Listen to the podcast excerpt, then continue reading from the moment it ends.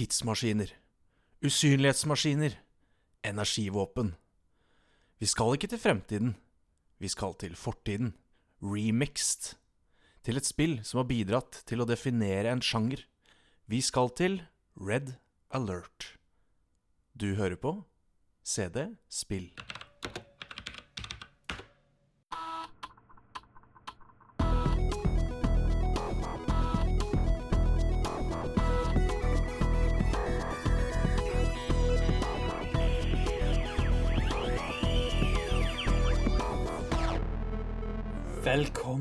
Til CD-spill. Podkasten som gir deg tips og råd til et godt samliv. Vi står klar til å motta deres nattønske, og først ut så skal vi høre Roger sin hilsen til Linda. Tenker på deg mens jeg kjører fra Leipzig til Latvia. Beste hilsener fra oss i studio. Vi er to programledere her i dag, og med meg har jeg selvfølgelig Jostein Hakestad, og vi er klar til å helle søt, søt honning inn i deres ørekanaler. Mjau, mjau, mjau, mjau. Det er DJ Jostein her. On the ones and twos. Eh, vi skal more dere gjennom eh, hele natta her på uh, cd.spill. CD Eh, og eh, som vanlig så er det jo meg og Alexander her som skal, eh, skal underholde dere.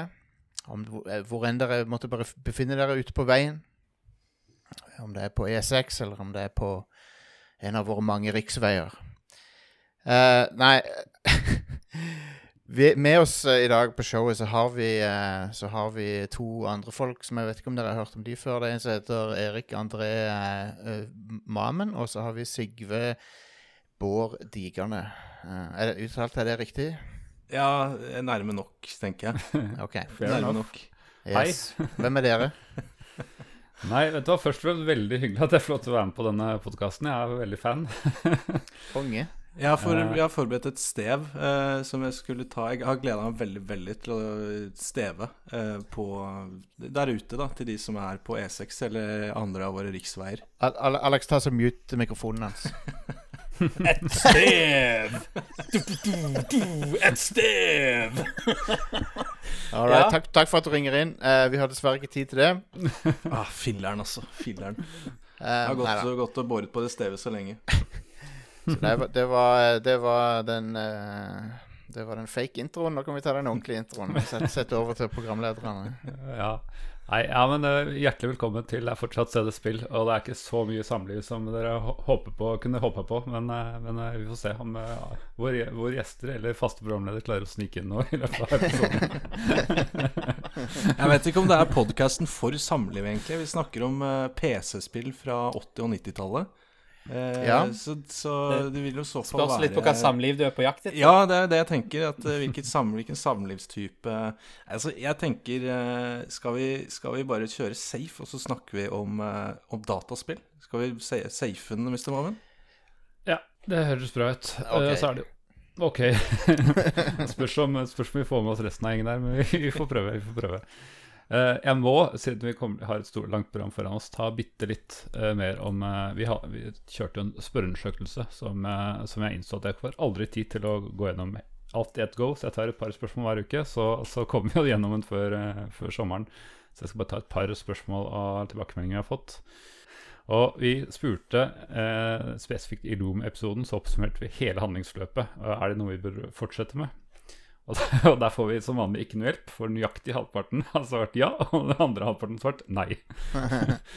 så eh, ja, det var ikke så nyansert der. da Det var ikke noe sånn er det fordi vi brukte for lang tid, eller var det fordi de unngår spoilere? Ja, får ikke ut av det. Dårlig, dårlig av meg når jeg stilte det spørsmålet. Ofte, ofte så tenker jeg hvis det er noe kanskje noe folk har lyst til å spille sjøl etterpå, så er det bedre å bare si hva premisset Ja. er for noe. Det er det vi har pleid, eh, men jeg, prøvde, jeg var ganske entusiastisk vil jeg påstå selv og prøvde å fortelle, gjenfortelle hele, hele greiene. Litt sånn som du gjorde med Warhammer-universet på en Radcrew-episode en gang. Ja, stemmer. Ja, det var Det verste er at det er jo bare en flik av Warhammer-universet, det, det, det jeg sa der.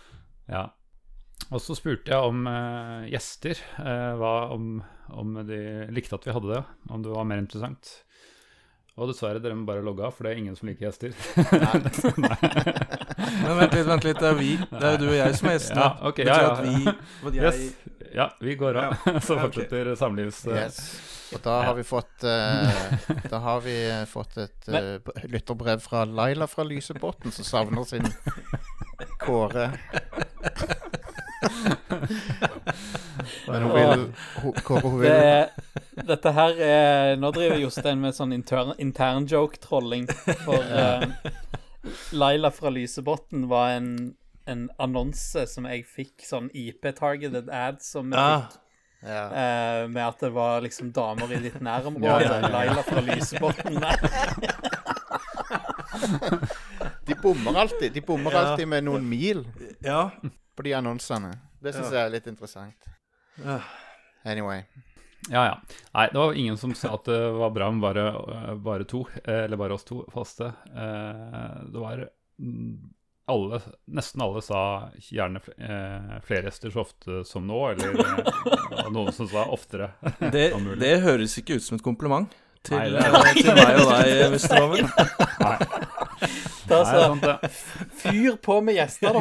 Ja, Fler! Fler gjester! det er det vi gjør. Så nå har vi til og med gått så langt å få noen andre til å kjøre show for oss. Så vi har, vi har lært oss forundersøkelsen. Nei da. Det var en god balansegang mellom de som syns en gang iblant og så ofte som mulig. Så jeg vet ikke hvordan vi skal tolke det, men eh, vi har i hvert fall ikke tenkt å slutte med det. bare å gjøre en blanding, tenker jeg. Ja, det er, eh, jeg ser jo noen fordeler med å ikke ha gjester. At det er litt lettere å ta sånne segmenter som det her, da, uten å måtte, måtte bruke altfor lang tid. eh. På samlivsspørsmål og La Ja. Laila fra, fra nabolaget. Ja. Din nabo Laila fra Lysebotn.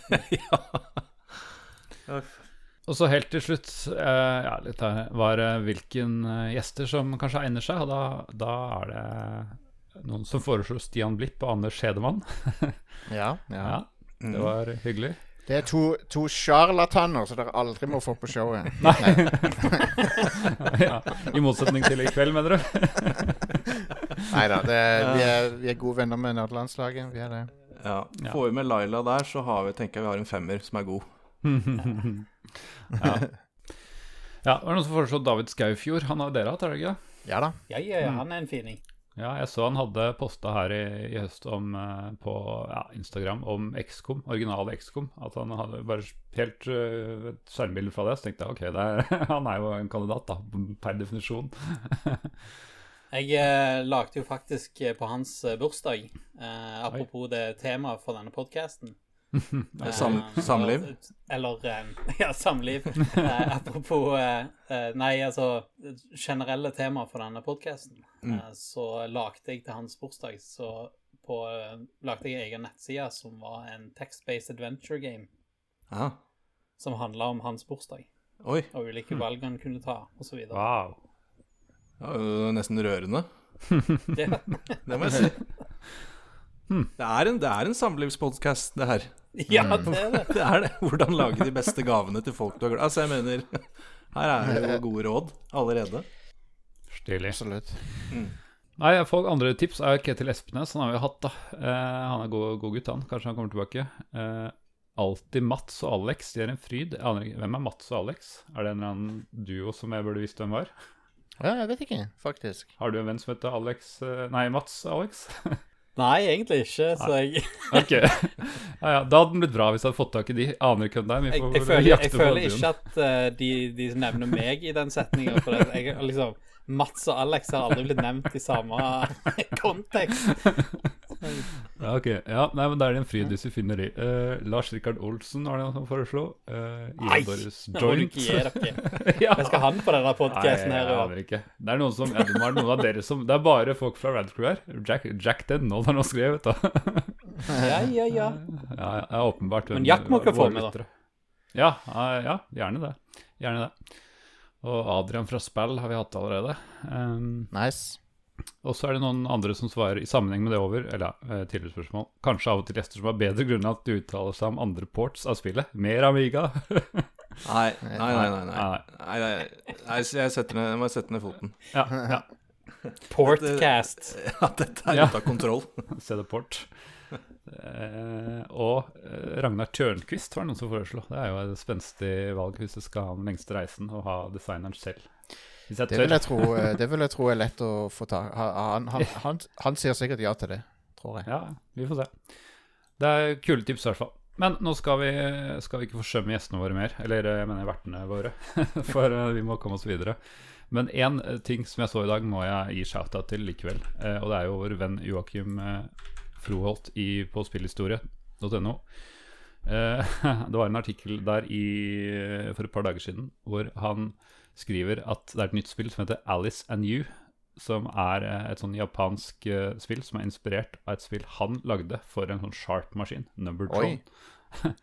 Uh, og det er så rart, for jeg tror han solgte den og liksom selv, ja, hvor, Når du utgir et sånt spill i 2020 eh, til en Sharp, da selger du ikke mye. Jeg, jeg har ikke spurt ham om tallet, men la oss si han solgte 10-20 eksemplarer først. da Og så har de tydeligvis blitt big in Japan. Så nå har de japanerne Wow. lagd et eget sånn uh, Steam-port av uh, et sånt hjernetrimspill. da, eh, Med noe sånn Ja, om å ta noe tall og noe greier. Uh, har ikke prøvd det sjøl, men jeg syns det er ekstremt imponerende. Så den eh, Ja, det var ganske godt skjult, den artikkelen. Det tok noen dager før jeg i det hele tatt så den, men den, eh, det anbefaler jeg folk å sjekke ut. Altså. Men jeg kan legge det i shownotes, for det her er verdt å eh, Ja, shout-out til vår gode venn Joakim. Yeah.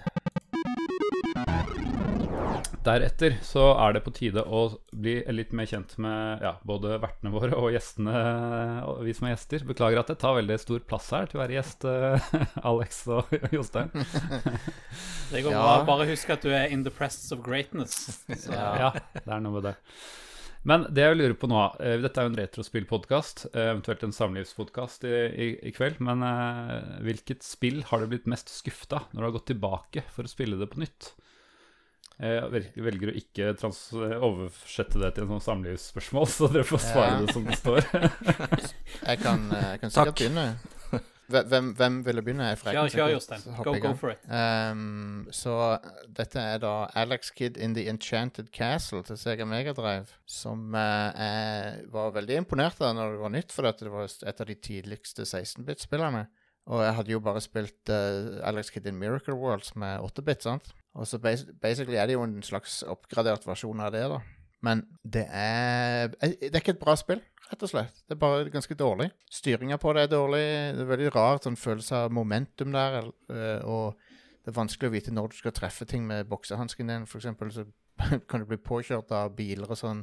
Eh, Det er veldig vanskelig å, å liksom skjønne hvor hitboxen er på, på fiendene og sånn. Så det er Nei, det bare har en helt bad følelse. Um, mens Miracle World på Mas Ma Sega Master System uh, det, det, styrer fremdeles ganske bra, syns jeg. Men, uh, men ja, det å gå tilbake til et av de tidligste Sega Megadrive-spillene du, du skjønner hvorfor Alex Kidd ikke overlevde den æraen. Var det ikke Alex Kid og Echo the Dolphin som alltid ble brukt på sånne her, eh, i display-caser i, i, i spillbutikker og sånt? Jo, Echo the Dolphin kom litt seinere, da, så var, da var Megadriven på topp, liksom. Ja. Mens eh, Alex Kid, det var da de prøvde å bryte gjennom. Og eh, det gjorde de jo ikke før de fikk Sonic, da. Og da, etter det så har de bare glemt Alex Kid, og det var kanskje like greit. Men det fins ett eller to OK Alex Kid-spill, men han overlevde ikke overgangen til 16-bit-æraen, så det å gå tilbake til det spillet var eh, Det var ikke bra. Så eh, det Ja, det er rett og slett et eh, veldig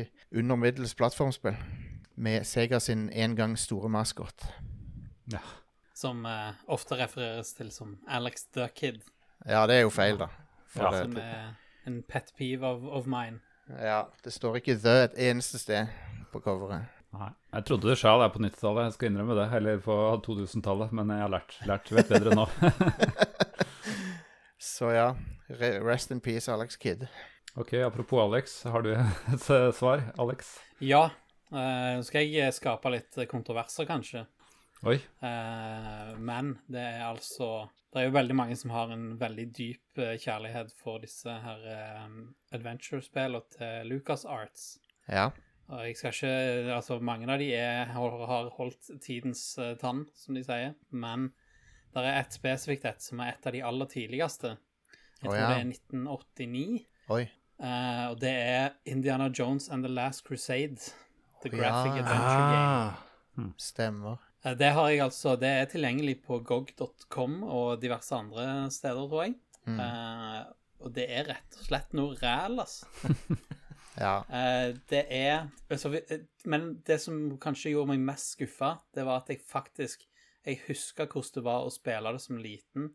Og så husker jeg at grunnen til at jeg spilte det, var mangel på andre alternativ. ja. Fordi det er stort sett bare en gjetning over helt umulige gåter. Det, det er et segment i, i, um, i spillet der du skal starte et fly, og der er, det er nesten liksom flight simulator-style Ja, på det. ja. Må, det er liksom spaker og greier du må dra i rett rekkefølge. Ja, fordi du må Eh. lese en bok eller noe sånt for å vise åssen du gjør det. Du må leie en bok på biblioteket for, som er oppskriften på som å fly et fly og noe greier. Helt på trynet greier, liksom. Mm. Uh, og nei, uh, it, ain't, it ain't good. Og det endte jo med at det du gjorde som kid da, var jo bare å prøve. Uh, prøving og feiling helt til du fikk det til. Ja. Eh, og så, men det er jo ikke det et adventure game skal gjøre, på en måte. Det er du, et, et, et adventure game skal gi deg følelse av at du har mestra en oppgave, liksom. For Ah, jeg- jeg- de to tingene sammen, og ja. Jeg har jo et veldig veldig hjertelig forhold til eh, Indiana Jones and The Fate of Atlantis. Eh, Ja, ja, ja. Og så husker Oh, jeg jo det var det andre Indiana Jones-spillet som jeg aldri helt Jeg lurer på om jeg så det som kompis. Jeg aldri egentlig prøvd Er, det, er dette det andre Indiana, Det det Indiana ja. Jones-spillet? Eh, som da antageligvis kom eh, før Fate of Atlantis. ja, ja. Det kom Ganske før Monkey Island. før òg, mener jeg. Ikke sant? Det kom, det kom året før uh, Secret of Monkey Island. Nettopp. Um, nettopp.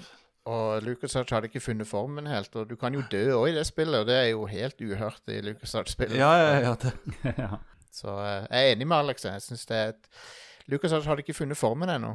Nei, ser det tidlig. Maniac Mansion også har jeg, har jeg så vidt uh, snakka med det og Tentacle-episoden. Det er veldig rough, ass. Det er det. det, er det. Secret of Monkey Island og så uh, LeChuck's Revenge. Da, var de, da hadde de Ja. truff, truffet formen sin.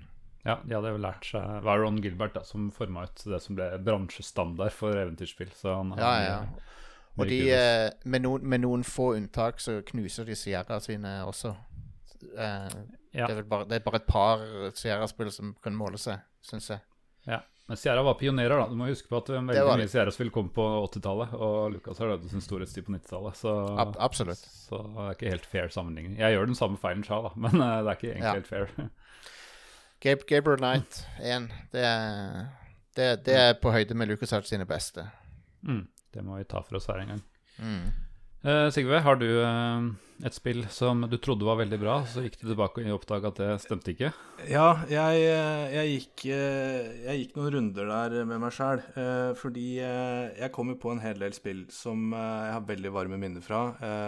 Det være seg Settlers 2, for eksempel. Eh, Det være seg Sid Meyers 'Colonization', eh, som er spill jeg har spilt i ukevis i oppveksten, og flere, men jeg nevner bare de to i farten. Eh, men så kom jeg hele tiden Ja, jeg har kommet tilbake til de, og så ble jeg for så vidt skuffa, men greia var at jeg ble liksom ikke Jeg ble jo bare skuffa fordi eh, det var liksom clunky å spille det igjen i, i, i moderne tid. At det var liksom interface var litt kronglete, eh, zoomen er for tett på. Så jeg ble litt sånn Det er liksom det er, ikke, det er jo ikke ræva spill i det hele tatt. Det er egentlig bare interfacet som gjør at jeg ble litt skuffa når jeg kom tilbake. Så tenkte jeg OK, eh, eh, jeg eh, er en villmann. Jeg gjør hva jeg vil. Så jeg svarer på dette spørsmålet litt utenfor premisset. Eh, ok, følg meg litt her, fordi premisset er eh, et spill eh, som er helt fantastisk, som jeg koser meg helt sjukt med. Og så kom oppfølgeren, som egentlig er akkurat det samme spillet, bare reskinna. Det første spillet det er Assassin's Creed Odyssey, og så kom oppfølgeren eh, Assassin's Creed Valhalla. Jeg mener det er det, er det samme spillet, eh, men når jeg da, etter å ha spilt Odyssey Jeg vet det er delte meninger om Odyssey. Eh, da jeg spilte Odyssey, jeg koste meg helt sjukt med det. Eh, jeg runda det, faktisk. Eh, jeg vet ikke hvor mange timer jeg har brukt på det spillet. Og så kom, eh, kommer Valhalla, og det er ikke måte på. Alt skal bli bedre enn Odyssey. Eh, alt skal bli helt tipp topp. Så må, jo, Det gjør meg vondt å innrømme det, men jeg, jeg kjøpte den derre superpakka eh, som kosta altfor mye da spillet kom. Eh, og den var dyr. Og jeg satt Ja. og venta på Ubisoft i Ja, det gikk i hvert fall seks-syv timer eh, før de faktisk greide å la spillet være klart til nedlasting. Og så begynte jeg å spille Valhalla, og så var det follow quests. Og så var det masse pompøse samtaler som ikke var like fengende eh, som forrige spillet. Og så var det mer follow quests, og så var det mer pompøse samtaler, og så var det mer follow quests. Og jeg fikk Og så skulle jeg slåss, og da var det clunky slåssing, eh, vanskelige hitboxer. Altså, Å komme tilbake til Assassin's Creed det var rett og slett en skikkelig skikkelig stor skuffelse. Jeg tror jeg har spilt det spillet i fem timer. Ja. Det ligger og støver ned eh, på Ubisoft-kontoen min. Så Oi, oi, oi. det er mulig det er en radikal påstand her, for jeg vet jo at det er mange som liker det. Men eh, Jeg, jeg, jeg liker Odyssey bedre enn Valhalla sjøl, men eh, Ja. jeg har ikke noe spesielt imot Valhalla, egentlig. Men hei, det folk, folk er forskjellige. Noen Alex, Alex the Kid. andre. Andre Nei, altså jeg eh, Det kan jo hende at jeg eh, blir litt engasjert, da, siden det var litt dårligere, og da blir jeg engasjert, og så blir jeg Syns jeg det er ekstra dårlig enn egentlig er. Nei, jeg oppdager jo hele tiden spill i denne podkasten som har holdt seg mer eller mindre bra. Eh, men det er vel eh, kanskje, kanskje jeg kom, Om et par år så har jeg andre kandidater her. Men eh, jeg er ganske klar på at det som eh, er det dårligste, som er mest skuffa over nå, det er Dune 2. For eh, jeg spilte Ja. Dune 2 når det var nytt, og det var revolusjonerende. Det skapte en hel sjanger, men eh, det er uspillbart i dag, altså. Det er det. Det er det. Det har ikke blitt gjort noen ting med det spillet siden det er utgivelsen, sant? Nei, det, det er det ikke gjort. Så, så du liker ikke å bygge individuelle sånne squares på, på sanden for å kunne bygge en bygning? Altså? Nei, altså kan jo, kan jo kalle Dune 2000 for en eh, remake av Dune 2, eller det er jo det det er egentlig, eh, så i den grad det er gjort noe. Men der har du jo akkurat de samme irriterende momentene, men eh, litt mer moderne interface, da. Ja. Nei, det, det spillet lider jo av å ha vært først. Ja. Før, først i en sjanger, og så kom eh, Warcraft og Warcraft 2 og Command and Conquer, og, det, Mm. og de bare knuser det. Så Mm.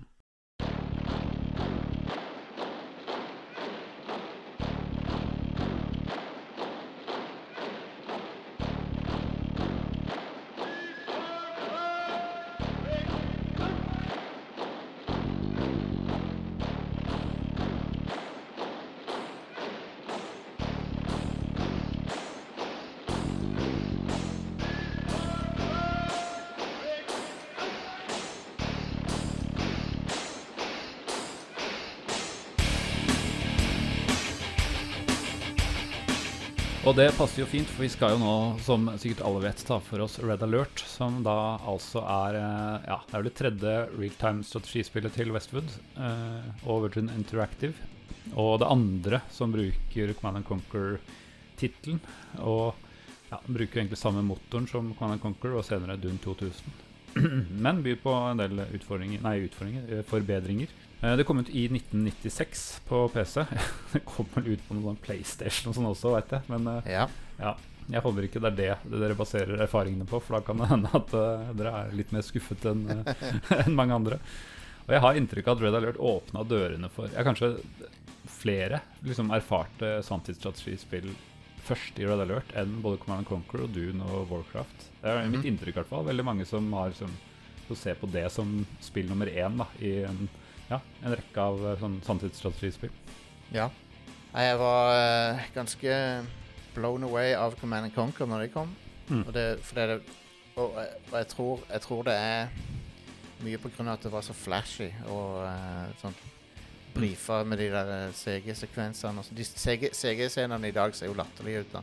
Men, eh, men den gangen så var det jo Må huske på at det kom ut samme året som Toy Story. Så det, det å se sånn CG i, eh, i dataspill på den måten var ganske heftig. Ja.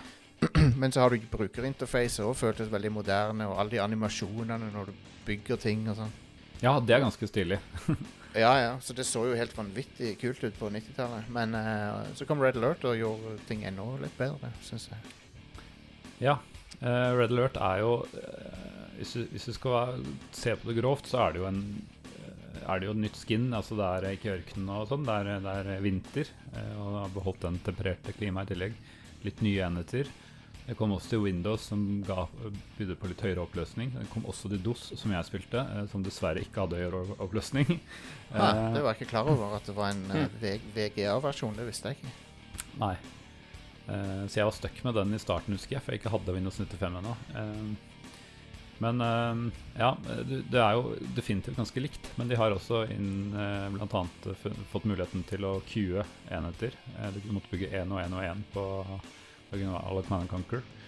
Ellers så følger de ganske samme formel, syns jeg, med oppdrag med FMV-videoer, eh, med dårlige skuespillerpresentasjoner, Oh yeah. og så videre og så videre. Dårlig eller ekstremt bra, alltid hvordan Ja. jeg som ser. Gode gamle 'så dårlig at det blir bra'. Mm. Ja, Ja, ja, ja. nettopp. Altså, Tanja hadde ikke blitt en legende hvis ikke hun hadde vært så ræva som hun var. Jeg vil bare nevne ordet 'evacuation'. ja evac... Han sier jo det, ja. Stemmer det. Evacuation. Evacuation. det, der er det dude som prøver seg på tysk aksent, liksom. Ja. Oi, oi. Bring him back to your drop-off point for immediate evacuation. Hitler is dead. Is out of the way. Out of the way. Hitler is out of the way. Hitler is out of the way. Altså, det er jo nesten så dårlig at du ser løsparten henge på skeiva. Altså, Ja. det, er, det er så lavt budsjett, og så Det- dårlig. Det er por pornoskuespillere som er, prøver, virker det som, Ja. for, det meste. Det her kliner vi Nå skifter vi tilbake i podkastformen igjen med Ja, en nå, er gang. det, nå er det samliv igjen. Nei, det virker jo som de har klint eh, alt inn i Og det er vi jo for så vidt takknemlige for. Klint alt inn i spillet for å lage et godt spill. Et spillbart spill. Eh, Ja, ja. Og så må de takke på noe Noen raffe videoer for å liksom fange oppmerksomheten. Eh, Ja. Ja.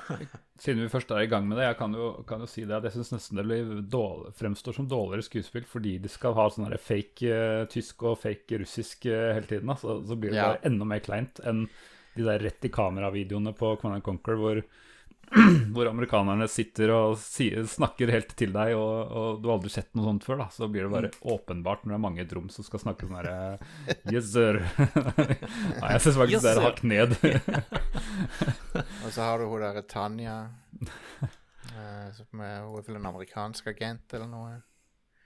Men uh, Kane er òg med, men han, det er helt på slutten, da. Da finner du ut at Kane har eh, vært involvert hele veien.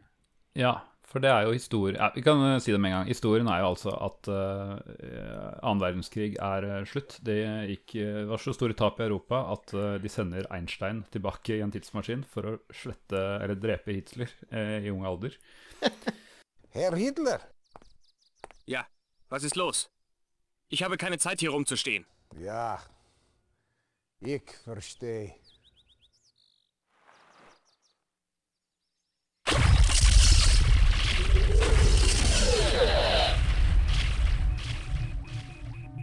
Det backfirer jo når det viser seg at eh, jo, jo, Tyskland gikk ikke til angrep, men eh, det gjorde Sovjetunionen. Så får du en ny verdenskrig som eh, går, foregår mellom eh, Sovjetunionen og, og de allierte eh, Europa og USA. Et kult, eh, kult premiss, syns jeg. Ja. Men, men uh, hvorfor sender de eh, Albert Einstein for å drepe Hitler? Altså Av alle du skal velge for å ta livet av noen. De sender vel Jeg husker ikke om de faktisk sender han, eller om han Jo, sender jo, det er han de sender. Ja, det er Ja, han Det som er det. Ja, stemmer. Ja, ja, ja. ok. Jo, Nei, det- fordi han, hvis han tar på Hitler, var det ikke noe sånn? Siden han har blitt sendt gjennom tid, tid og rom, så bare forsvinner Hitler? Eller Ja, helt sånn tidsparadoks eh, eller noe? Hitler blir til ingenting når Nettopp. man tar han i hånda. Nettopp. Det var eh, Men but still. Albert Einstein. Hvorfor Ja ja. Nei, jeg skal ikke stille kritiske spørsmål til Og så, og, så klarer han ikke, og så reiser han i tid uten å ende opp naken på fortauet. Det er jo helt umulig. Det er us usannsynlig. ja. Han har på seg lege, hvit legefrakk, selvfølgelig. Sammen det, med løsparten. De dreper Hitler idet han kommer ut av fengsel. eh, Etter, Stemmer. Etter, etter det der eh, eh, pub, Statskuppet, ja. han gjorde. Ja ja, eh, riktig. Det første, holdt på å si, første forsøket. Første Ja, ja. Ja, Det betyr at Mein Kampf eksisterer også i dette universet, da, med andre. Ja, det er, er faktisk sant.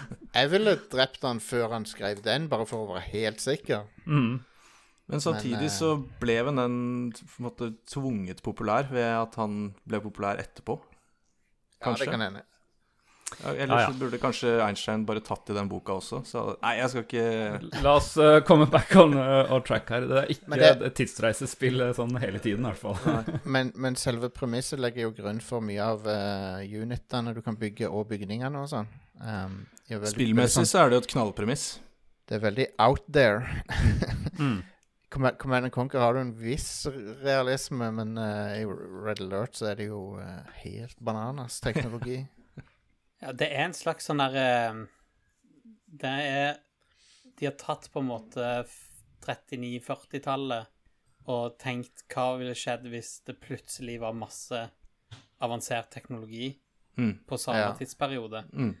Uh, for det du ser måten bygningene er konstruert på, og sånt, det ser ut som en gammel fabrikkbygning eller noe sånt. Men så er det noe sånn Det er noe som er litt off her. Ja, ja, ja. med sånn eh, måten ting Altså måten det ting er robotisert på, og, Mm. eh, og sånn Ja. måten ting funker på, så er det sånn Hm. Vi var ikke helt der i, i vår vanlige historie. Og så virker det som han eh, Tesla har hatt stor innflytelse på utviklinga Ja, i, det i den virkeligheten. Ja, for de har jo bytta ut Altså, du har jo det samme, egentlig den samme strukturen, en laser i eh, Command Conquer, Obelisco Light, mens her Ja, er det en ja. Tesla Coil, ikke sant, som eh, den ser litt stillere ut, eller man kan diskutere hva som er stilligst, men den ser litt annerledes ut, da. Eh, altså, men så gjør den akkurat det samme. Ja, ja, ja. Det jeg er litt skuffa over, er jo Jeg er jo en hardcore uh, Allies-fan i de fleste spill jeg spiller. Så i Command Conquer så spilte jeg selvfølgelig GDI. Så én ting jeg var litt skuffa over, var jo at uh, vi mista Mammoth-tanken over til uh, Ja. akse aksesiden. Å ja, det. Det syns jeg faktisk var litt skuffende, for det, det passa min eh, La oss kalle det casual playstyle. Bare Bare tech-dekket opp og rushe med, rushe Mm. med Mammoth Tank. Det gikk ikke lenger. Måtte plutselig Åh, og så, nå kom jeg på den flammekasteren. Nei, jeg, jeg skal holde igjen litt, ja, over mine Ja. gripes med units. Men de allierte fikk jo tidsmaskin. ja, Det, det er jo en bedre power enn uh, den der Iron Curtain, syns jeg. Mm. det er sant. Det er sant. Ja, fordi superkreftene er Jeg har en curtain som sier, som gjør en enhet udødelig i jeg vet ikke, 20 sekunder, halvt minutt, et eller annet. Ja. Eh, litt periode, i hvert fall. Eh, og den må du da bruke på typen Mammoth Tanks, da, så, for å gjøre mest skade. Det er jo en utrolig stupid uh, taktikk som vi og Alex brukte på hverandre, med, som involverer den Kronosfere. OK, få høre. Ja. Du kan jo fortelle, Alex. Du, eh, du tar rett og slett og charger opp en uh, Kronosphere og, og, og en sånn der construction um, eh, Hva er det de heter nå? Construction Ja, MCV. Ja, MCV. Mo Mobile Ja. Construction Vehicle.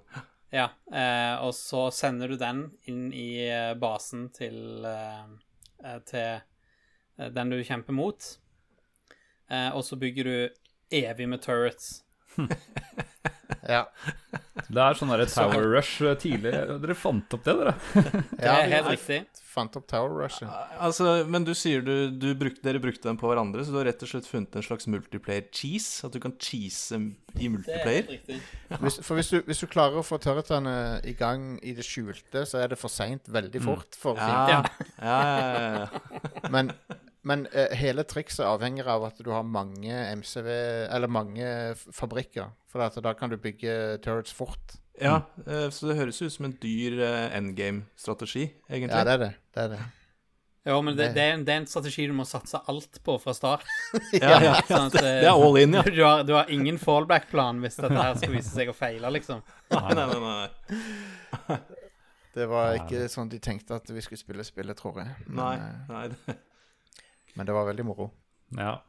Jeg har en ganske morsom Jeg husker jeg bestilte det her. Eh, Det er en morsom historie som, eh, som Sigve påførte meg sjelelig sår eh, indirekte. som jeg må på tide å ta nå. Ja, veldig bra. Eh, Nei, vi, jeg hang på noe som heter Newsgroups, eller Usenet på den tida. Som er, ja, dere vet garantert hva det er. Men, Far, far out. ja. det er en slags forløper for forum og egentlig Reddit. Det er egentlig en gammel versjon av Reddit, sånn strengt tatt. Hvor, eh, hvor det var en nettbutikk som da solgte Red Alert. Og dette var gang, den gang nettbutikk var sende mail til webmaster og spørre om han kunne sende, sende deg postoppkrav eller noe sånt. God gamle webmaster, altså. ja. Uh, og dette fikk jeg tips av vår gode Ja, vi har nevnt den her før. Uh, Larseren, fra, som vi har nevnt, uh, venn av oss. Han er sentral.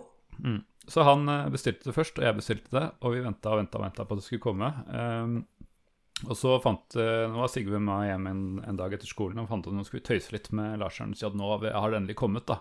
Så vi forfatta en e-post hvor eh, yes eh, til, til han at yes, se hva vi driver med. Nå har vi endelig tatt opp, og jeg regner med du gjør det samme. Og skulle, jeg vet ikke hvorfor vi skulle være sånn tøys, men jeg Men det som vi ikke var klar over, da, eh, det var jo at denne mailen til Larseren, det var jo egentlig faren hans sin e-post, eh, som han eh, også leste når han var hjemme. Så dette medførte jo at da far til Larseren ringte hjem og spurte ja, så har du fått det, og det kom til posten, og så og, så, og, og grunnen til at dette ble, gikk litt utover meg, var at det var jo jeg som var avsender, for dette var jo hos meg, så det var jeg som hadde sendt mailen, selv om det sto The perfect crime! og, og hver eneste gang i mange år etter at jeg var hjemme hos Larseren, så ble, fikk jeg tilnavnet Skøyeren. Fordi jeg var Skøyeren fordi jeg hadde skøya med de greiene der. så det var alltid når jeg var på besøk, så sier han jaså, har du fått Skøyeren på besøk? Ja, Fy søren, det er jo helt eh, Det er jo criminal mastermind du hadde på besøk der. Jeg, jeg hang òg mye på Usenet. eh. men som, som alle, an, an, alle andre gamle plattformer nå, så er det for uh, pedoer nå, nå om dagen. ja, stemmer det. Til og med Facebook har blitt det nå. Ja. Så Jeg har slutta, jeg òg, bare sånn til opplysning. ja. Jeg vil, jeg vil gjerne nevne et element TV-spillet. Eh, Gjerne. og det er eh, Der kom jo med en ganske extensive eh, brettgenerator, eller at du kunne utvikle egne spillebrett. Å ja. Mapmaker, da. Ja, en mapmaker. Eh, og den kunne du lage egne custom uh, Altså uh, custom multiplayer-brett på. Mm. Og det er, Han var ikke like avansert som Starcraft sin, der du faktisk kunne lage egne spill uh, inni mapmakeren. Nei, men det Men det det jo det det, det bidro til, var jo liksom at du kunne For det første så kunne du sette opp brett som bare var lagd for å eksperimentere. Så meg og Jostein hadde jo ofte sånn Du hadde en vannstripe i midten, og så hadde Ja. du bare to øyer fulle av diamanter, liksom. da, så da var, liksom, da var ikke ressurser en, en ting lenger, så da kunne du ta Hvor langt kan vi dra eh, armeen vår før vi knuser de sammen? Eh, og så var det, men så var det òg liksom spenningsmomenter av at å teste noen sitt brett og se et brett du aldri hadde sett før, og som ikke var randomly generated, men noen, noen hadde mekka det, og så ble det liksom en, en egen komponent av spillet i seg sjøl. Og jeg vil gjerne slå et slag for uh, mapmakere. Det er, det er altfor få spill nå om dagen som har liksom en sånn Lag din egen bit av spillet, eller lag din egen storyline i spillet, eller Enig. Um, jeg tror du, uh, det, det det var synd de droppa det i Doom Eternal, for de hadde det i 2016, Doom. Da hadde de eh, en map editor. Ja. Du, Doom er jo kongen av map editors, da. Ja. Eh, Ja. Doom 1 og 2. Va- VAD-formatet. Mm. Ja, altså En av mine veldig gode minner En av, en av mange gode minner fra hjemme hos Mr. Mammen er jo uh, Mapmaker-relatert, vil jeg påstå. Og det var jo Tower Defense-variasjonen av Warcraft uh, 3, blir det ikke det? Mm. Ja, ja, ja. Uh, og jeg vet ikke hvor mange timer vi uh, har sittet og, og kost oss og, og, og tapt, for den var jo vanskelig. Men, uh, men det var jo, så vidt jeg kan forstå, var det en, rett og slett en konsekvens av en mapmaking-mulighet i, Ja. i Warcraft. Da. Det er det. men ja. men edit, level-editoren, men også en annen måte å redigere spillet på, som jeg og Alex gjorde veldig mye. Som Ja. var å redigere INI-filer Ja. til spillet. Hm. For Men det er en liten for, forhistorie der, Jostein. Ja. For INI-filer til spillet, det er ikke en fil som ligger tilgjengelig. Nei, stemmer det? Og jeg fatter ikke til den dag i dag hvordan vi i det hele tatt klarte å finne ut av dette her. Ikke heller. Men du må åpne den ene BAT-fila.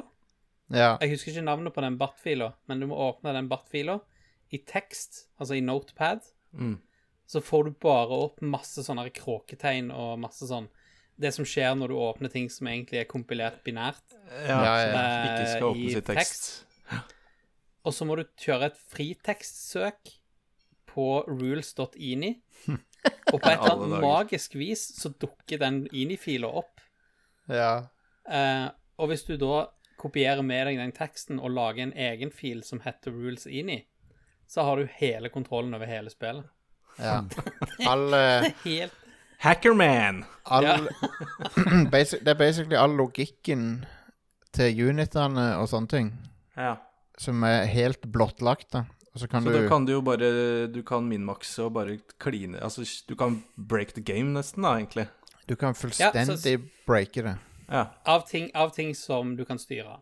Så hver enhet har sine attributter, og hver våpen har sine attributter. Eh, og det er ting som du kan styre med de er f.eks. avstand de kan skyte. Nice.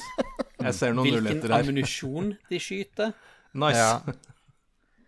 Eh, og eh, ja eh, Takt og hurtighet i går Mm. og ja, alt mulig rart av liksom logikken i spillet kan du Hva- styre. da. Hva som skjer når en unit dør.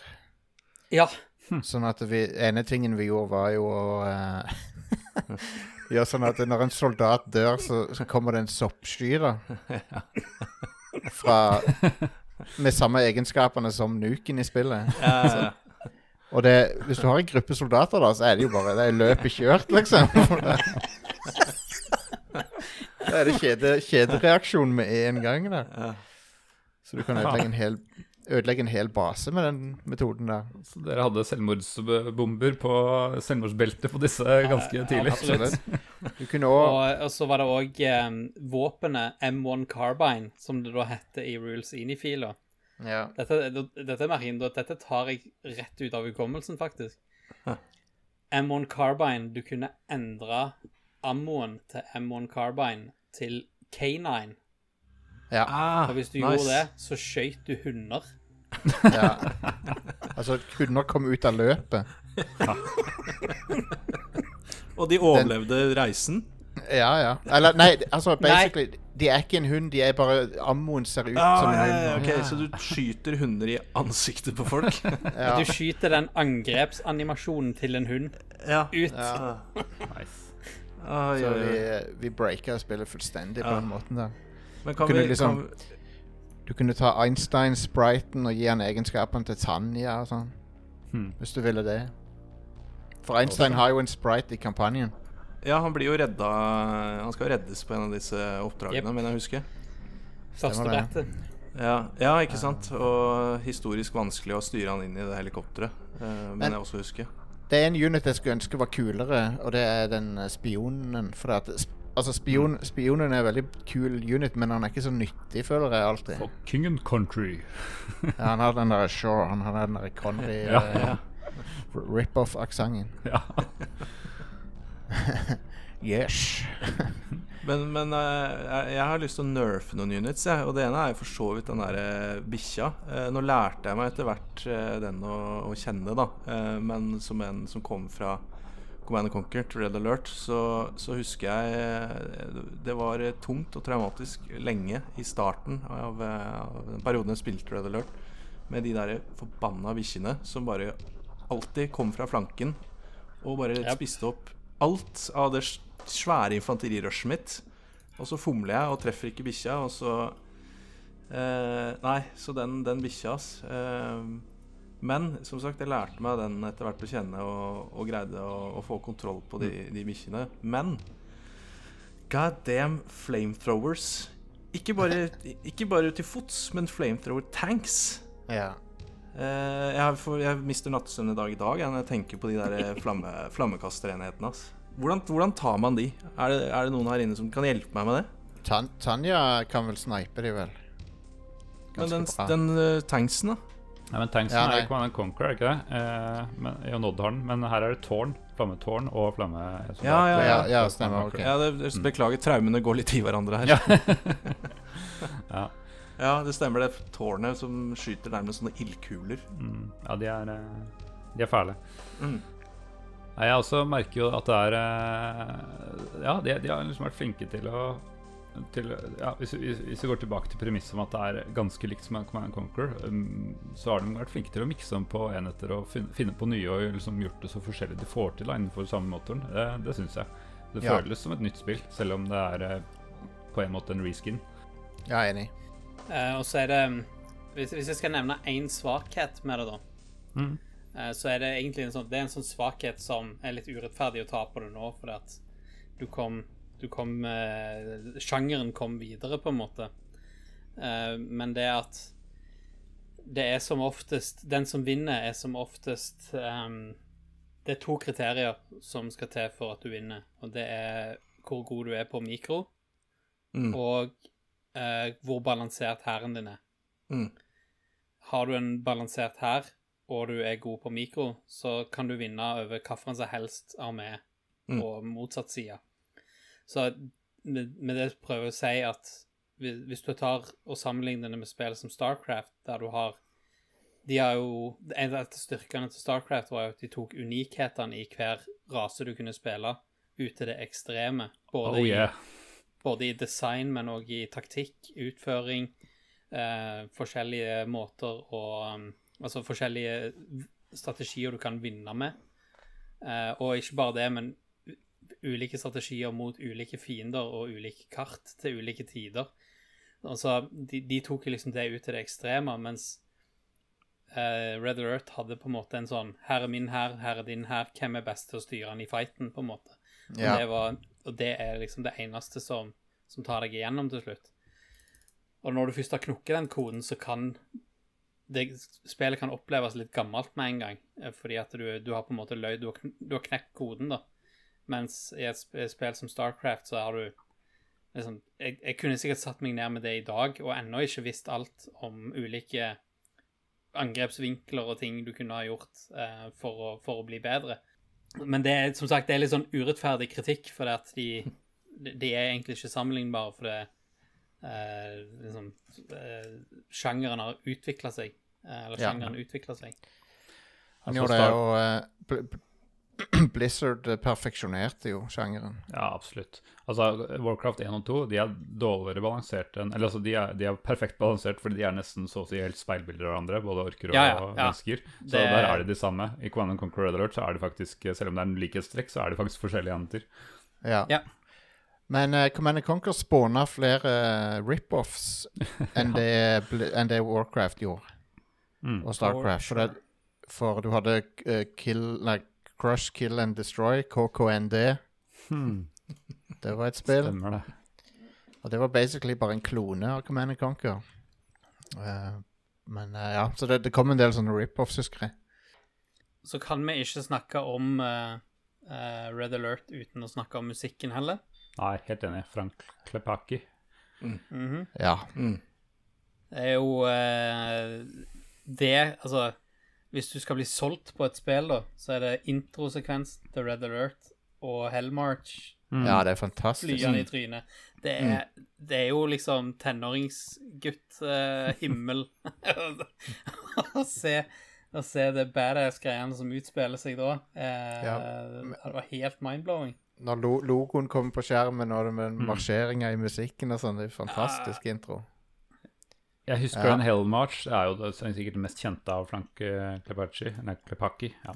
Ja. Men, men eh, jeg, husker, jeg tro, trodde alltid, og jeg vet fortsatt ikke hva de egentlig sier, men de roper et eller annet krigsrop. Jeg syns alltid de sier 'Vi har tapt'! Som jeg ikke skjønner hvorfor man sier, men jeg tiltar til tror sært det den sier. eh, i så fall. Vi Nei, men du, du skal ikke, du skal ikke se- altså, For du, skal du vinne krigen, så må du innse at du allerede er død. Mm, ja. Så jeg tenker jo, altså her er motiverer man for bare de totale krig.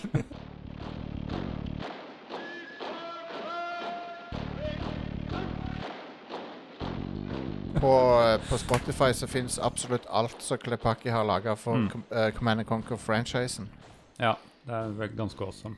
Det er EA, EA som har gitt ut på Spotify, faktisk. Ja, men gitt ut selv også, de ligger dobbelt. Derfor gjorde du det for en liten stund siden. Oh, ja.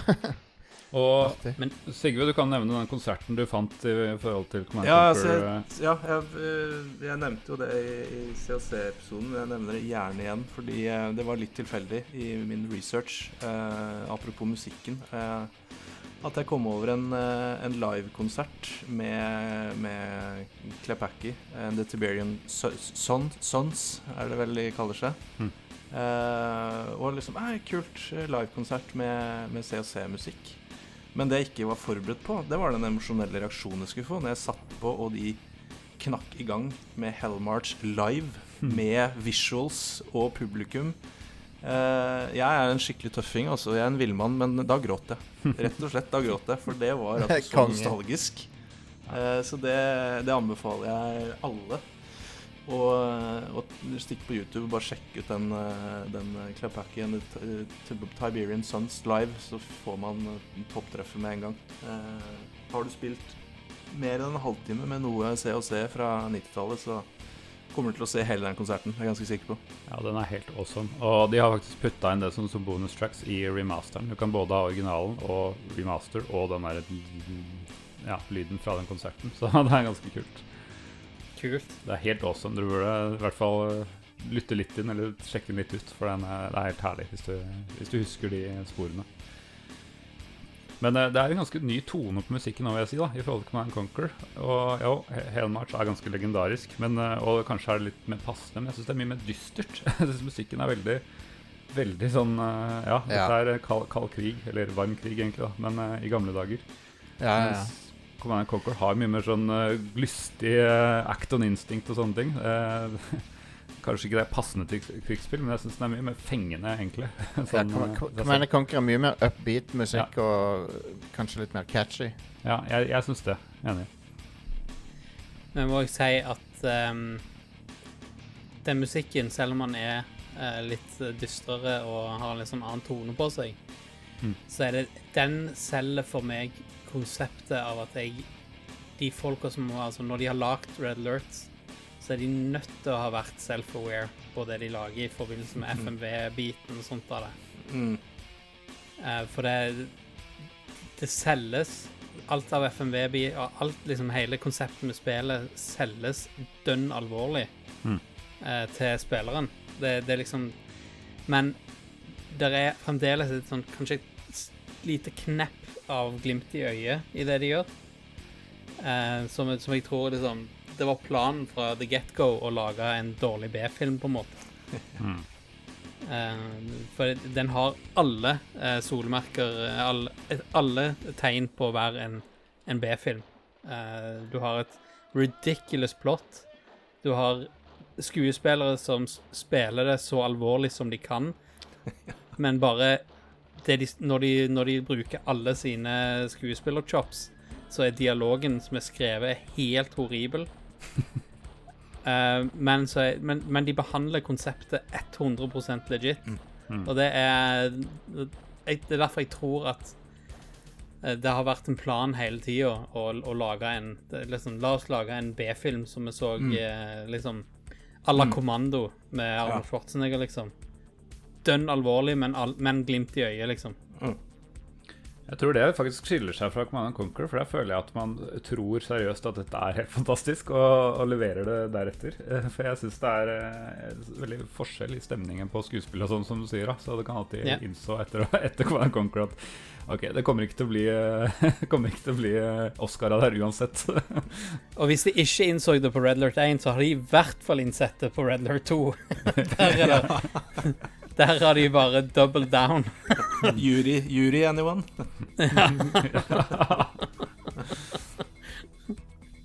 Ja. Det er litt interessant på den historien i Dere var så vidt inne på det med Kane. Eh, hvis du spiller eh, Sovjet-kampanjen, så, så, så ser du Kane i bakgrunnen i et par cutscener her og der. Og hvis du, når du vinner, da, så er det liksom Da er det åpenbart at det er Nod som, som trekker i the strings i, Ja, i ja, ja. Det, er, altså, det føles som en- ja, det ble lagd kanskje som en prequel til Command and Conquer. Og, det og de sier noe sånn skikkelig cheesy at uh, ja, vi skal uh, vi lever i skalkskjulet av Sovjetunionen fram til kanskje 90-tallet. Da skal vi pensjonere Sovjetunionen, og da kan Nod begynne å komme frem. You have done well to serve us, and for that, you should be rewarded. We estimate that the Brotherhood will tire of the USSR in the early 1990s. Until then, you will keep the peace. Ja, Det er jo interessant at det er samme timeline, men det, men det tror jeg de går vekk ifra i Red Alert 2. ja, det blir mer og mer divergent uh, der. Og det er noen som har sagt at uh, Sovjet-kampanjen eh, leder til Command and Conquer-franchisen, mens Red Alert uh, Eller Allied Victory leder til Red Alert videre. Men eh, Ja. det er jo ikke noe Tiberium i, noe, i Red Alert, så det, det er bare en fan- fan-teori. Jeg vil òg trekke fram som verdt å spille, selv om det er ingen av de opprinnelige folkene er involvert, så vidt jeg vet. Eh, Red Alert 3 er ganske bra. Jeg skulle, skulle akkurat til å, å Jeg så på lista her at vi nærmer oss jo ting som kom etterpå. Mm. Det kom eh, overraskende på meg Eller jeg oppdaga det overraskende Jeg tror det var i fjor, jeg. For jeg har jo bare lest uh, dritt om Hva skal jeg si franchisen etter Red Alert Ja. eh, 1 og 2, kan, kanskje Tiberian Sun. Men eh, det, var, eh, det var et eh, spillbart og kult tilbakeblikk, rett og slett. Det er det pluss at de har uh, veldig uh, sånn uh, glimt i øyet når det gjelder eh, eh, videosekvensene i Red Mm. Alert 3, for der har de med vilje prøvd å gjenskape at det er dårlig. da. Mm. Det er sant. Det er sant. Og, der har, og der har du kjente skuespillere, liksom Tim Curry og George Takei og sånn er med. Mm. Fucking Tim Curry, liksom. Ja. Helt magisk. Og uh, cutscenene der er fantastiske. Han som, han som var leder på det prosjektet, han uh, har vi hatt på showet. Det er han uh, Greg Kasavin. Uh, han har vi hatt på Rad Crew. Eh, som har laga Bastion, og sist nå Hades. Ja. To ganger har han vel hatt han. Ja, kanskje vi har hatt den to ganger til og med, ja. Jo, for vi hadde først med Bastion, og så med Transistor, mener jeg. Ja, kan stemme det, ja. Men han lagde i hvert fall Red Alert 3 da, altså, under EA-paraplyen. Og det er jo eh, en, en, en, en tribute til Red Alert, basically. Og apropos det med at eh, bygninger og units og sånt er inspirert av historikken som har skjedd tidligere, så kommer jo Japan flyvende inn med robotsamuraier og Gundams, liksom. Ja, ja, ja. det er den tredje fraksjonen. Det er, ja, det er Japan. Stemmer det. Eller nei, Um, Empire of the Rising Sun, er det ikke det? Ja. Jo, det er det de heter, ja. Ja. Stemmer. Ja. Um, jeg likte Red Lord 3. Jeg syns det var artig. Jeg er helt enig. Det anbefaler jeg, anbefaler jeg alle. Både for uh, at jeg greide å lage en tongue in cheek uh, hommage bakover. Ja. Men eh, for meg så var det litt sånn Jeg savna å spille Generals og og General Zero Hour. Oh, ja. uh, og så plutselig så var det et eh, spill i moderne oppløsning med moderne interface som ga meg egentlig mye av det samme. Uh, Det som er- Jeg vet at mange liker Generals. Det som ikke appellerte til meg med det så mye, var at det var litt for realistisk setting. Så jeg, jeg For jeg liker når det blir litt sånn fantastisk. Hmm. Sånn som uh, Command and Conquer. Generals er den med terrorister og sånn, sant? Ja, Ja. det stemmer. Veldig, Ja. hva skal jeg si, tidsriktig med Ja.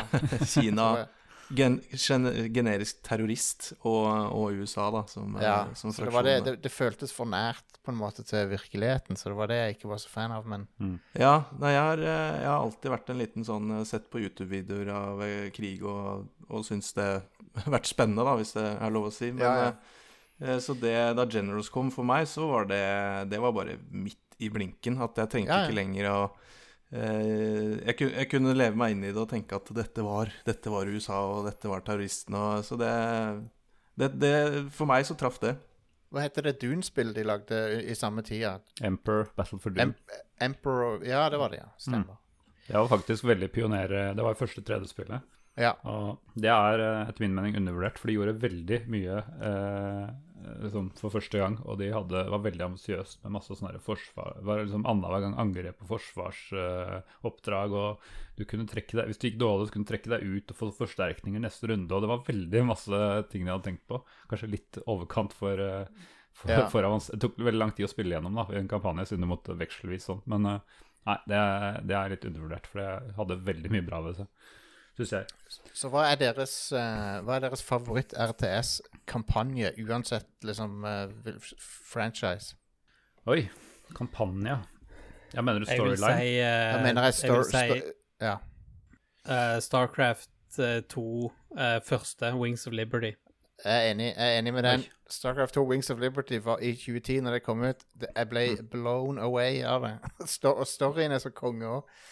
Ja, Det var det var det vi kaller en page-turner. Jeg ble skikkelig veldig engasjert i det. space, space opera. Ja, ja det, de fikk jo kritikk av enkelte fordi det gikk full sånn space-opera der, men jeg, jeg syns det var helt fantastisk. ja. Hmm. ja, det spørsmålet har jeg ikke forberedt meg på, men når du sier det, jeg tror jeg har lyst til å si eh, Starcraft 1, ja. For uh, Ja. jeg liker egentlig den ideen med at her skal vi eh, nå skal vi kjempe mot det fæle tyranniet, og så ender det med å bare erstatte et tyranni med et nytt tyranni-type, da, som er det det, som uh, skjer. Spoiler alert. Det er jo, Apropos cutscenes, er det jo i Starcraft 2, Wings of Liberty, er det jo en fantastisk gjenskaping av den, det mest Ja. dramatiske øyeblikket i Starcraft 1. Da. Sarah Mhm. Kerrigan-scenen, ja. Ja. Amazing. Mm. Jeg tror, eh, jeg tror eh, jeg har eh, jeg har aldri vært noe sånn Jeg har rett og slett ikke vært tålmodig nok til, til law, egentlig. Så for meg har det vært mye skirmish og lite kampanje. Ja. For jeg har heller ikke vært tålmodig nok til å måtte spille fem-seks brett for å få uh, Mammoth Tank, f.eks. uh, når det er sagt, så ble jeg uh, fanga uh, veldig av Apropos god og dårlig law. Jeg ble fanga veldig av Command Conquer og GDI. Altså den, den storyen den fulgte, syns jeg var spennende.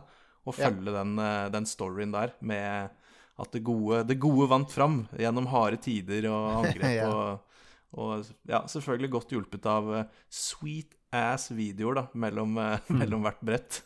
Så jeg, jeg tror det blir se og se OG for meg der, altså.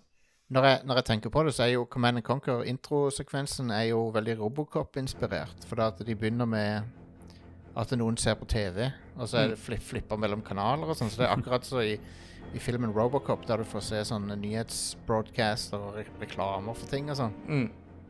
Uh, så det er litt stilig. En kul, uh, kul eh, exposition og etablering av, av samf eller settingen du er i. Ja, ja, ja. Det er genialt. Det, det samme gjør de i Metal Gear Solid 4 i starten der. Men der, der brukte de Blu-ray-teknologien til å gjøre sånn at du kan bytte kanal sjøl. Så, det, så de, de første minuttene av Metal Gear Solid 4 så kan du se, sitte og se på TV og bla, bla og kanalsurfe, liksom. Herregud. Hva, jeg, nå kom jeg på en ting her. Som, for jeg, når jeg tenker på sånne spill som, som Red Alert, så, så tenker jeg òg på hvordan det var å være gamer på den tida. Um, og liksom hva, hva verktøy som var rundt deg, og liksom hvordan PC-ene var og, og sånt. Jeg har jo På min Mac i dag så har jeg en eh, VM eh, som kjører Windows 95. Bare for å liksom ta meg tilbake i ny og ne. Eh, og det, det kan godt være jeg har bomma på timelines og sånt nå, eh, og at dette her kom lenge etterpå. Men var GameSpy blitt en ting på den tida? Hmm, ja, det virker litt kjent. Eller om det var forløper til det, i hvert fall. Game, GameSpy som i uh, nettverksinfrastrukturen, liksom. Ja, som er- altså multiplayer og Altså Battlenet, bare åpent, på en Ja, måte. de hadde et eller annet, men om det var hmm. Wii, eh, konsollen We brukte GameSpy eh, uten, uten å liksom fronte det. Men det, Det var det som var Ja. Men, ja, for kunne man spille Kunne man spille online i 1996? Eh, nei, det var bare LAN. Ja. Men- mulig det, var di det var mulig det var dial-up òg. ja. Ja, det var det. det var det. Men eh, ja, nei, jeg husker at Westford lagde noe sånn eh, At det var noe sånn der støtte. Et eller annet sånn glo- Eller jeg vet ikke om det var Westford som lagde det, men at det var noen muligheter til å koble opp eh, enkelte spill. da, og I hvert fall noen. av noen. Det var, det var en form for TCPIP, men det var Ja. ikke jeg tror ikke det var en sentral eh, matchmaking-server eller Nei, noe sånt. nei, nei. Det, Det var noen tydelige greier. Ja. Nei, altså, jeg, sånn som jeg husker Gamesplay, så måtte du lage en server. Mm. Eh, og så kunne du invitere andre til den serveren over nettet. OK. ok Eh, så Ja. det var ikke sånn Nå husker jeg det. Nå husker Jeg et, jeg tror du har rett, Alex.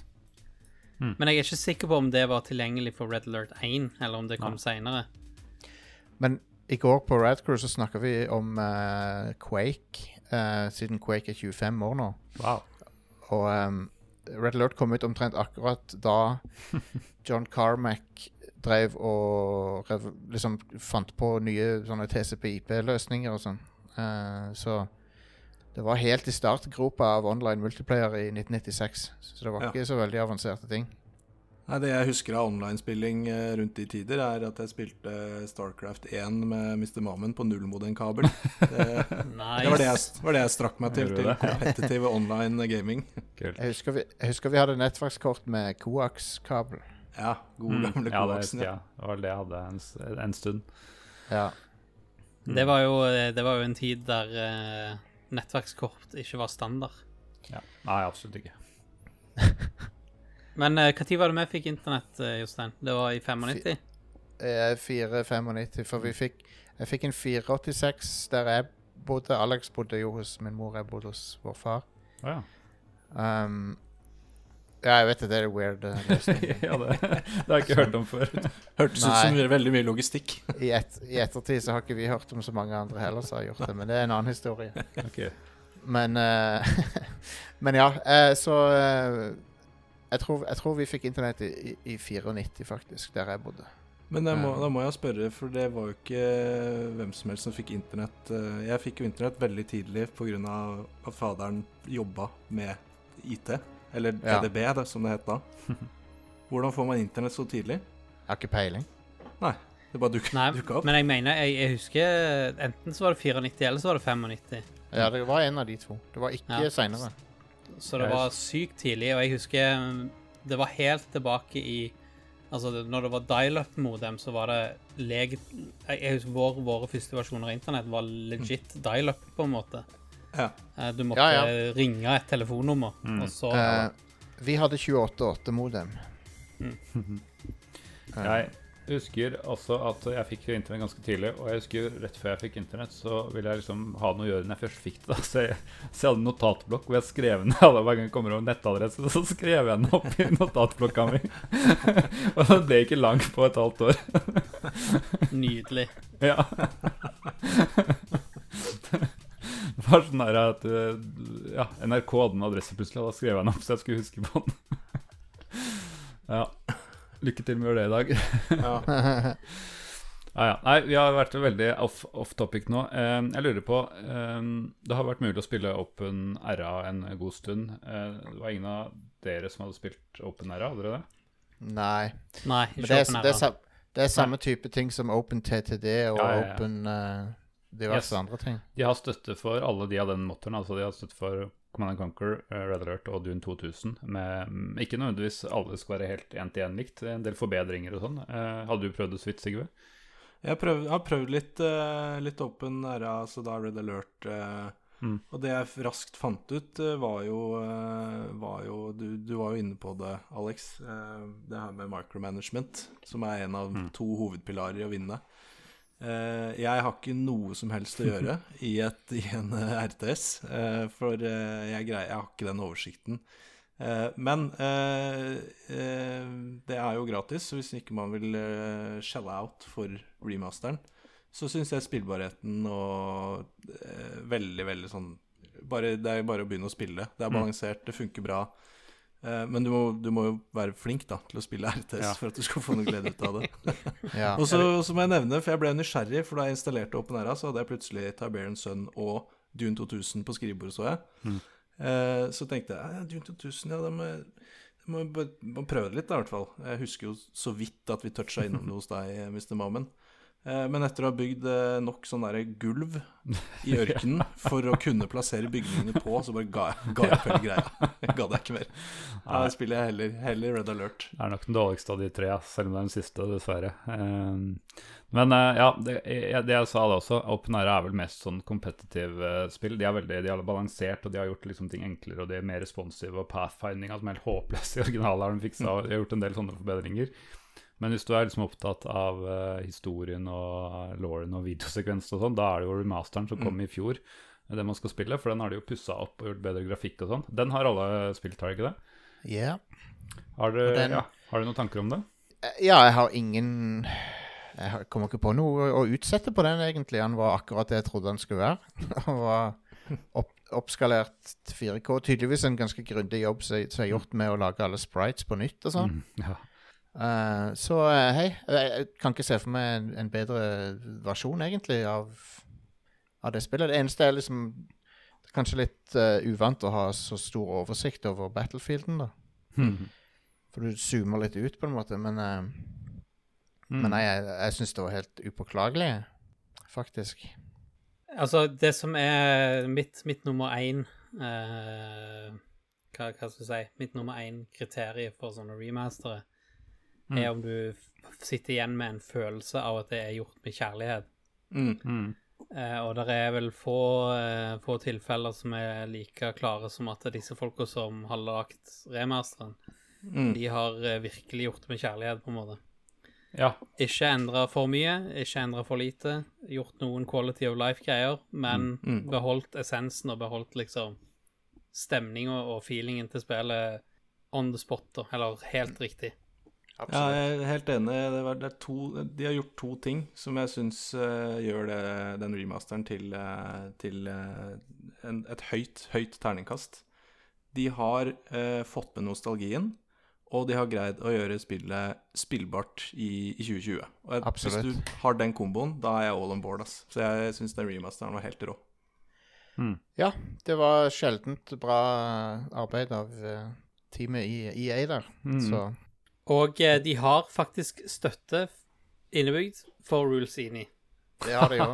nice. Ja, da er du solgt med en gang. Så de er, de er aware av at dette er mulig. Ja, ja. Ja.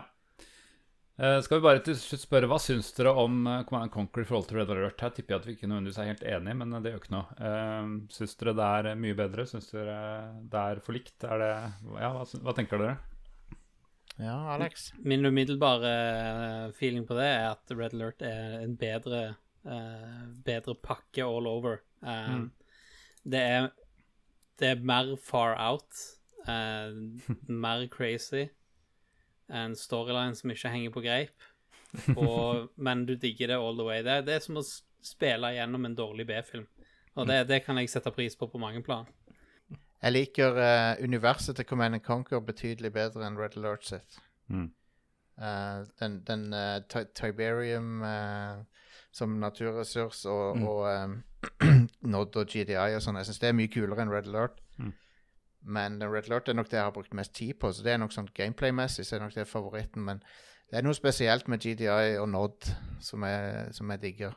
Så Jeg må nok eh, henge meg litt på, på den der, altså. For det Ja, altså, apropos generals. eh, jeg triv, trives i det litt mer eh, i den grad man kan kalle det realistisk. Men uh, så er det er nok litt farget av nostalgien også. Eh, ja, jeg likte Lauren, jeg likte, likte spillet og storyen, men eh, det var jo det jeg fikk først, og det var det jeg spilte mest. Og så spilte jeg jo Red Alert Jeg er usikker på om jeg hadde, jeg på om jeg spilte hos, hos Mr. Mamen, egentlig, for det meste. Så konge.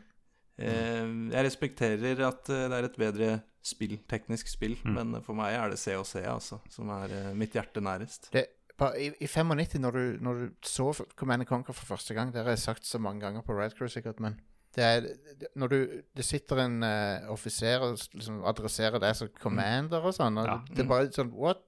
Det, det, det var en helt Det var så kult, liksom. Det var så flashy satt sammen, og høy produksjonsverdi, i hvert fall for den tida. Mm. Nei, jeg husker, jeg husker hvor jeg var da jeg fikk vite om Command and Conquer. Jeg husker hvor jeg sto i skolegården på barneskolen da jeg fikk høre om Command and Conquer. Så det, det har satt sine spor. Ja, det var konge. Ja, nei, jeg er samme, samme her. Jeg har jo nå har jeg spilt gjennom begge deler i remaster. Du får jo begge samme pakke. Det er faktisk u urovekkende sjenerøst av eh, det teamet der. Det er det. Det er det faktisk. Og jeg merker jo det at eh, jeg har mye mer nostalgiske følelser for uh, Command Conquer, originalet originale til Burning Dawn. Og det er nok altså Jeg har jo spilt det med rekkefølge av Dune 2 og Command Conquer Red Alert. Og jeg tror kvantespranget var mye større mellom Dune 2 og Command Conquer enn mellom Command Conquer Red Alert.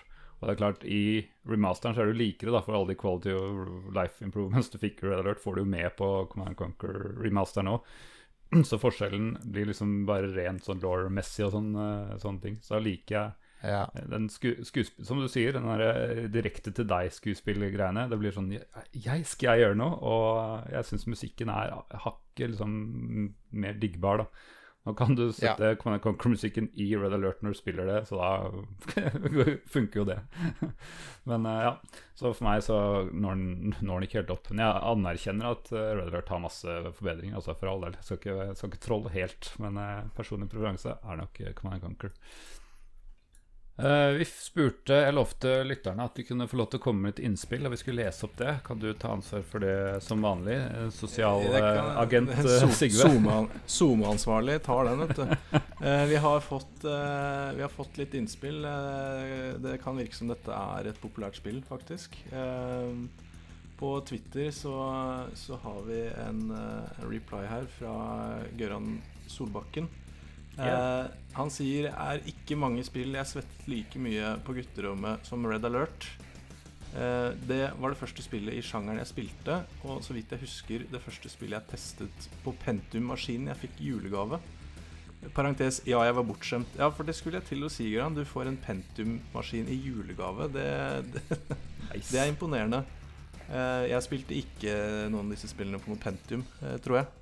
Eh, så der eh, Kanskje han til og med hadde Soundblaster-kort også i, eh, i den Pentiumen. Jeg tror du alle innen Eh, på Facebook-siden vår så er det litt engasjement rundt dette spillet. Um, eh, Benjamin Sars sier jeg fikk pappa til å abonnere på Computer for alle med K. Det er vel flere her inne som Oh yeah, baby! som eh, nostalgifølelsen der. Computer og tekno og Ikke sant? Ja, ja, ja. Uh, abonnere på Computer for alle i tre måneder, fordi at da fikk man Red Alert gratis med abonnementet. Ah, nice. Helt kongemusikk og veldig kule cutscenes med sånn passe campy skuespillere. Ja, det er vi vel Det er vi vel enig i her inne. For Eh, videre, videre så sier eh, Kjell eh, Terje Aasland Jeg fikk dette av min mor. Jeg var 11-12 år gammel i den tida. Far hadde kjøpt ny PC, en Compac, og gode gamle eggehvite Compacen. Uh, og han ble den store helten siden jeg fikk bruke den. Helt til han så esken til Red Alert. Hva? 18 år? Da ble han den største dusten ever. Så det ble vel en slags inndragelse her, da, kanskje. Men det ordnet seg til slutt, da. Elsker både Dune og uh, Command Conquer-serien. Vi spilte mye av disse på LAN. Wow. 18-årsgrense, 18-årsgrense, var det det på originalen Red Alert? Ja, altså Ja, det var det. Ja, det var det. for jeg husker jo eh, Jeg nevnte jo Jeg tror jeg nevnte det i COC-episoden vår at eh, jeg levde jo under et uh, sensurregime hvis det var litt vold i spill. Men av en eller annen merkelig grunn så sklei se forbi eh, sensuren. Med, men det, var jo, det ble jo bemerket at det var skriking hele tiden. Og blod på skjermen. jeg tror-. Og, Men, men jeg mistenker at eh, 18-årsgrensa kommer av uh, filmsekvensene. Tanja. ja, det Tanja, Tanja og, og pluss pluss, det, Ja, det har du nok rett i, ja. ja. Um, Asbjørn Bakke skriver Kongespill fant og bestilte Red Alert fra en annonse på tekst-TV. Eh, du var jo på så var du på tekst-TV. Yes. Første spillet jeg spilte online med direkte oppringning til en kompis via 33600-modem. Da fikk vi svar på eh, Riktig, riktig. Eh, fløy Tanja rundt og inn i basen hans og sprengte alle bygningene, så han aldri ville spille igjen, dessverre. Kan jeg bare nevne noe um, Gjør det. som jeg glemte å gjøre? Og det er at i Red Alert 3 så spilles Tanja av eh, eksdama til Jim Carrey og berømte vaksinemotstander Jenny McCarthy. Ja. Eh, det er litt fun, fun fact der. Bra. Det, det var det.